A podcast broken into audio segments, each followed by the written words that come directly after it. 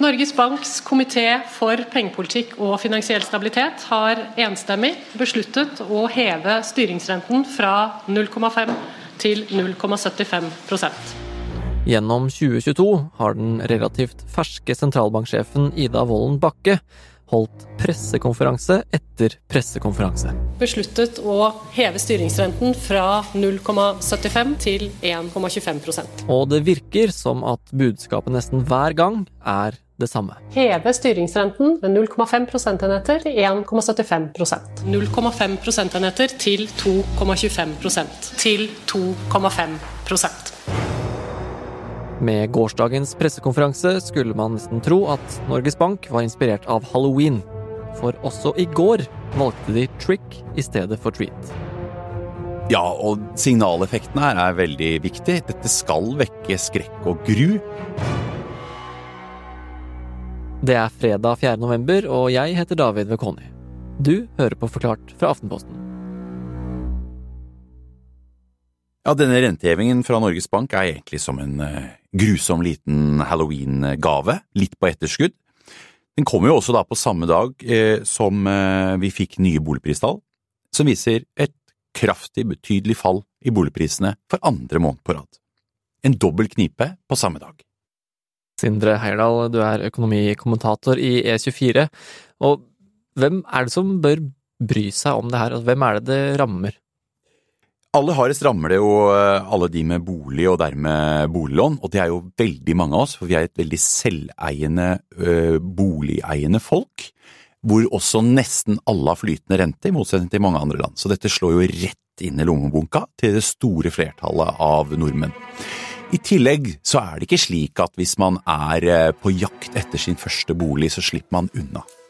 Fordi når rentene går opp og boligprisene samtidig ned, så struper bankene inn utlånene til sine kunder. Og da kan vi jo tenke oss hvem er de mest villige til å fortsatt gi gode lån?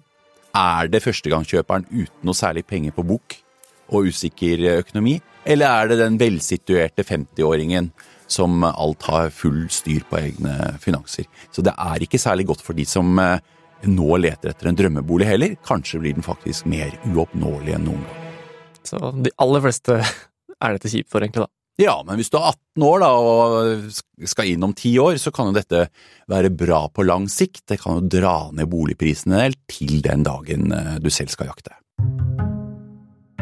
enstemmig besluttet å heve styringsrenten med 0,25 prosentenheter til 2,5% Med rentehevinga i går så er vi altså kommet opp i 2,5% rente. Bare fra august til desember i år så kan en vanlig førstegangskjøper se at lånekostnadene øker med 4000 kroner i måneden. Dette er en mye større utgiftsøkning for de fleste enn det du ser på Kiwi eller Rema eller i strømskapet. Og ikke nok med det, den faktiske effekten på lommeboka er ikke her før på nyåret. Nei, det, altså, det kommer til å bli verre frem til over nyttår. Er det på grunn av nye hevinger, da, eller? Ja, altså, effekten av tidligere hevinger og denne er kraftig forsinket. Så egentlig vet du ikke ennå hvor kjip den siste hevingen eh, vil eh, føles. Du kan si sånn røftlig, som en tommelfingerregel, at det tar omtrent tre måneder før du virkelig kjenner effektene av det Norges Bank gjør. Eh, og det henger sammen med at først så tar det noen dager før bankene følger opp Norges Bank. Det må de ikke gjøre.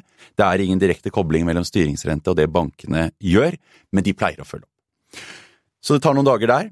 Så har bankene seks ukers varslingsfrist før det slår inn i nettbanken. Så må sende, de må sende meg et varsel? Ja. Og så seks uker etter det, så kan renta faktisk gå opp? Nettopp.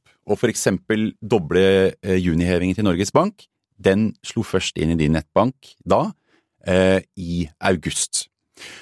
Men så er det jo sånn at du har bare låneforfall én gang i måneden også. Mange har det gjerne den 25. i måneden, fordi mange får lønn da. Har du lønnsutbetaling den 12., så får du det gjerne da. Da vil det først merkes eh, altså det som skjedde i juni. Eh, 25. september fullt ut for mange, eller 12. Eh, september. Fordi det er da du blir trukket, eh, og da ser du at eh, den lønna du fikk den dagen, minus banktrekket, eller låntrekket, plutselig er mye mindre igjen, da. Ja, for da har hele måneden rullet og gått med den nye renten du har fått. Så fra juni til 25. september, så på lønningspils eh, 25. september, da ser du bare sånn ah, shit, de heva renta i juni. Ja, da smaker lønningspilsen antagelig litt vondere, og kanskje er det noen som dropper den. Og de hevingene som har kommet etter juni, da, da merker man dem påfølgende etter det, da. Dessverre så eh, den doble hevingen i august, den blir fullt ut merkbar for mange først 25. november, tilfeldigvis samme dag som Black Friday. Og hevingen, den doble, i september, blir fullt ut merkbar for de aller fleste først etter julaften. Og så den som var i november nå, da. Den kommer jo da først godt utpå nyåret. Ok, så Så fram til langt over nyttår så kommer det fortsatt til å bli kjipere. Men ikke på grunn av nye hevinger, men av de som allerede har vært. Nettopp. Og dermed er det en veldig tidseffekt her som vil bidra til å kjøle ned økonomien lenge fremover. Og det er absolutt grunn til å tro at en del først virkelig snurper inn på eget forbruk når de virkelig merker det på økonomien sin. Ok, det her ble veldig dark. Enten du har lån eller ikke, så kan det bli verre frem til langt utpå nyåret. Men nå kan det faktisk hende at bunnen er nådd.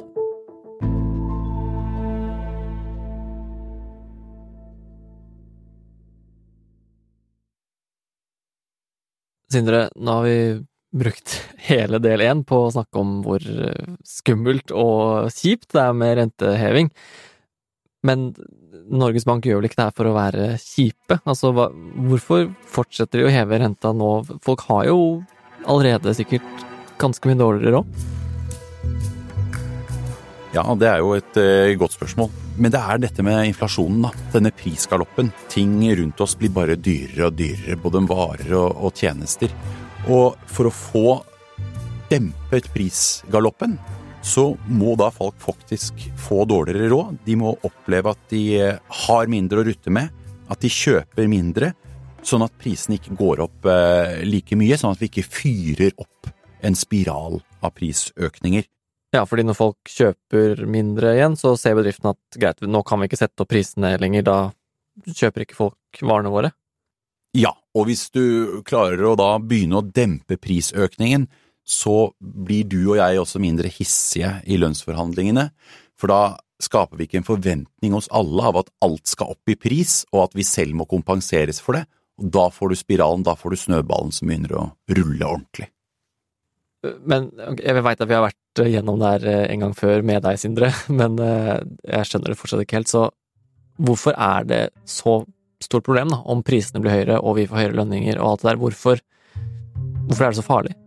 Ja, la oss ta et eh, skrekkeksempel fra historien. Tyskland eh, i mellomkrigstiden. Hvor eh, prisene etter hvert økte så mye og så raskt at folk måtte bokstavelig talt ta med seg det de fikk på lønningskontoret, og løpe med en trillebår full av sedler til bakeren for å kjøpe et brød. Og løp de ikke raskt nok, så ville prisen ha økt vesentlig på veien. Da ville de bare få et halvt brød for pengene. Det er når alle forventer at prisene skal opp, og alle begynner å sette opp prisene og forventer mer i lønningsposen, det er da vi får en guffen snøball som bare blir større og større og ruller raskere og raskere. Og når vi mister tilliten til pengenes verdi i det hele tatt, da er vi ute å kjøre.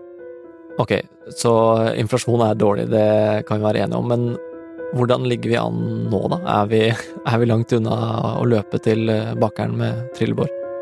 Heldigvis er vi fortsatt veldig langt unna, men vi har den heftigste prisstigningen på omtrent 40 år. Og det er sånn at de siste inflasjonstallene i Norge var skremmende høye. Og det blir ikke mindre skremmende av å se på det som kalles kjerneinflasjon, som Norges Bank liker best å se på. Da tar man bort prisen på strøm og avgifter, som kan svinge mye, og som har vært veldig høye i det siste. Det man står igjen med, er prisveksten på alt annet i samfunnet, kjerneinflasjon. Og kjerneinflasjonen som ble målt nå, den er den høyeste som noen gang er målt i Norge. Det går altså feil vei. Ok, så da eh, skjønner vi at rentene kanskje må litt opp da, for å få bukt med dette, men er det det eneste man kan gjøre? Jo, regjeringen gjennom sitt statsbudsjett kunne jo ha dempet inflasjonen her med å ha et skikkelig stramt budsjett, altså kutte veldig i utgiftene. Da hadde vi også dempet prisstigningen i samfunnet. Men det skal vi ikke forvente oss. Eh, det er allerede en upopulær regjering. Folk eh, opplever at nesten alt blir dyrere, og eh, den regjeringen ville aldri fått gjenvalg hvis de skulle kjørt et så stramt budsjett som måtte til for å virkelig dempe prisene her i landet.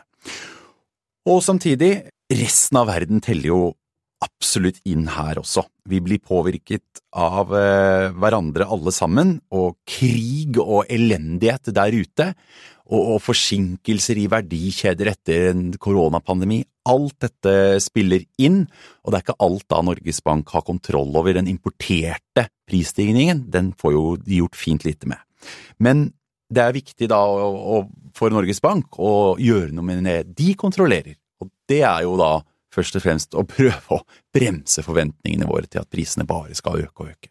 Eh, ok, Sindre, men hvor mye må de ta opp renta da, for at det ikke skal være et problem lenger der? Altså, hva er liksom tallet vi må nå? Det er et supergodt spørsmål. Det finnes dessverre ingen eh, gode svar. Vi vet fra historien nå at eh, prognoser på hvordan prisene går, de slår nesten alltid feil. Økonomene bommer gang på gang når de prøver å forutse prisbildet, og det har de gjort denne gangen også. Og det er altså ikke en eksakt vitenskap, det er ingen fasit på akkurat hvor mange prosentpoeng mer som må til.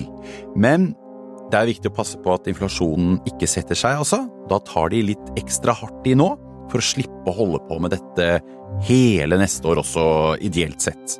Hva betyr det at inflasjonen setter seg? Det er at eh, prisene tar hverandre, at vi alle begynner å forvente at alle priser stiger, og at vi alle forventer mer i lønningsposen, og så har vi da den effekten, den rullende snøballen som bare går og går. Og da er det vanskeligere å hente det tilbake igjen? Da blir det veldig vanskelig, historisk sett, å, å hente det tilbake igjen, ja. Ok, så for å slippe at det blir rullende snøballer og prisgalopper, så må vi tåle ganske mange rentehevinger nå. Men her kommer den gode nyheten.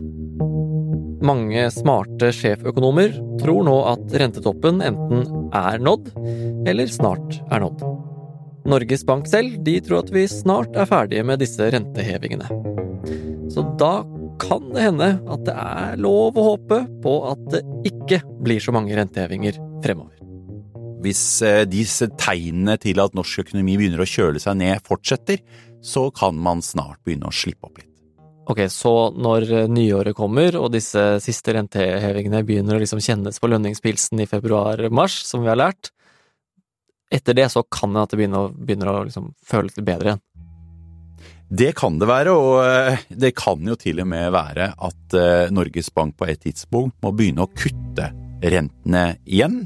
Det kan skje alt litt utover i neste år, hvis det viser seg at de har kjørt på med så mye rentehevinger at økonomien har blitt unødvendig mye kvelt, og prisene er under kontroll. Da kan vi gå fra én grøft til en annen, og eh, da kan også ledigheten ligge i potten.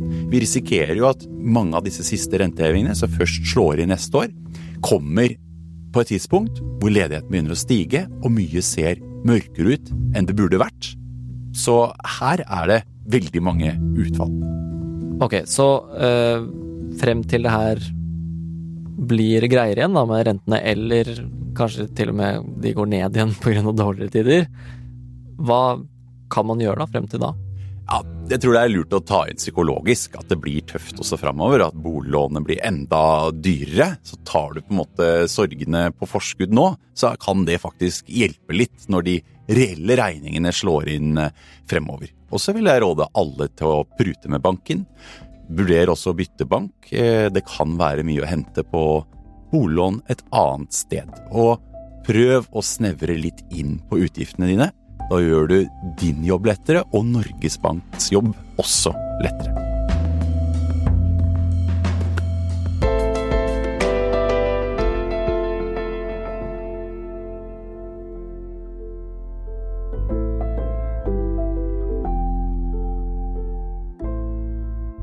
Du har hørt en podkast fra Aftenposten. Det var alltid like lystige Sindre Heierdal som forklarte de fortsatt dystre økonomigreiene. Lyden du hørte, var fra Norges Bank. Episoden er laget av produsent Fride Næss Nonstad, Jenny Førland og meg, David Vekoni. Resten av Forklart er Anders Weberg, Anne Lindholm, Synne Søhol og Marit Eriksdatt-Gjelland. Takk for at du hørte på. Jeg er jo ikke slem, jeg. Eh, jeg vil bare bygge forståelse mellom kjønnene. Og Nei, altså, før eller senere så vil jo de fleste kvinner vite hva et hetetokt er. Ja. Den der utrolig kjipe varmen som bare eksplosjon. Men menn aner jo ikke hva det går på. Eh, Så da spør jeg deg, Kristine, hvilken mannlig politiker ville du valgt som kunne fått på seg ei lita varmevest en hel dag, og så fått sånn 20-25 hetetokter når som helst i løpet av dagen? tilfeldig valgt politiker fra meg, Trygve Slagsvold Vedum. Eh, Bjørnar Moxnes tror jeg kunne blitt det. Er flere menn å velge mellom. Det er mange, og vi bygger bare forståelse. På med vesten, eh, kjenn midtlivet. Dette og mer til i ukas episode av Førters med meg, Marte Spurkland, Og meg, Kristine Hellesland. på aftenposten.no eller i Podme.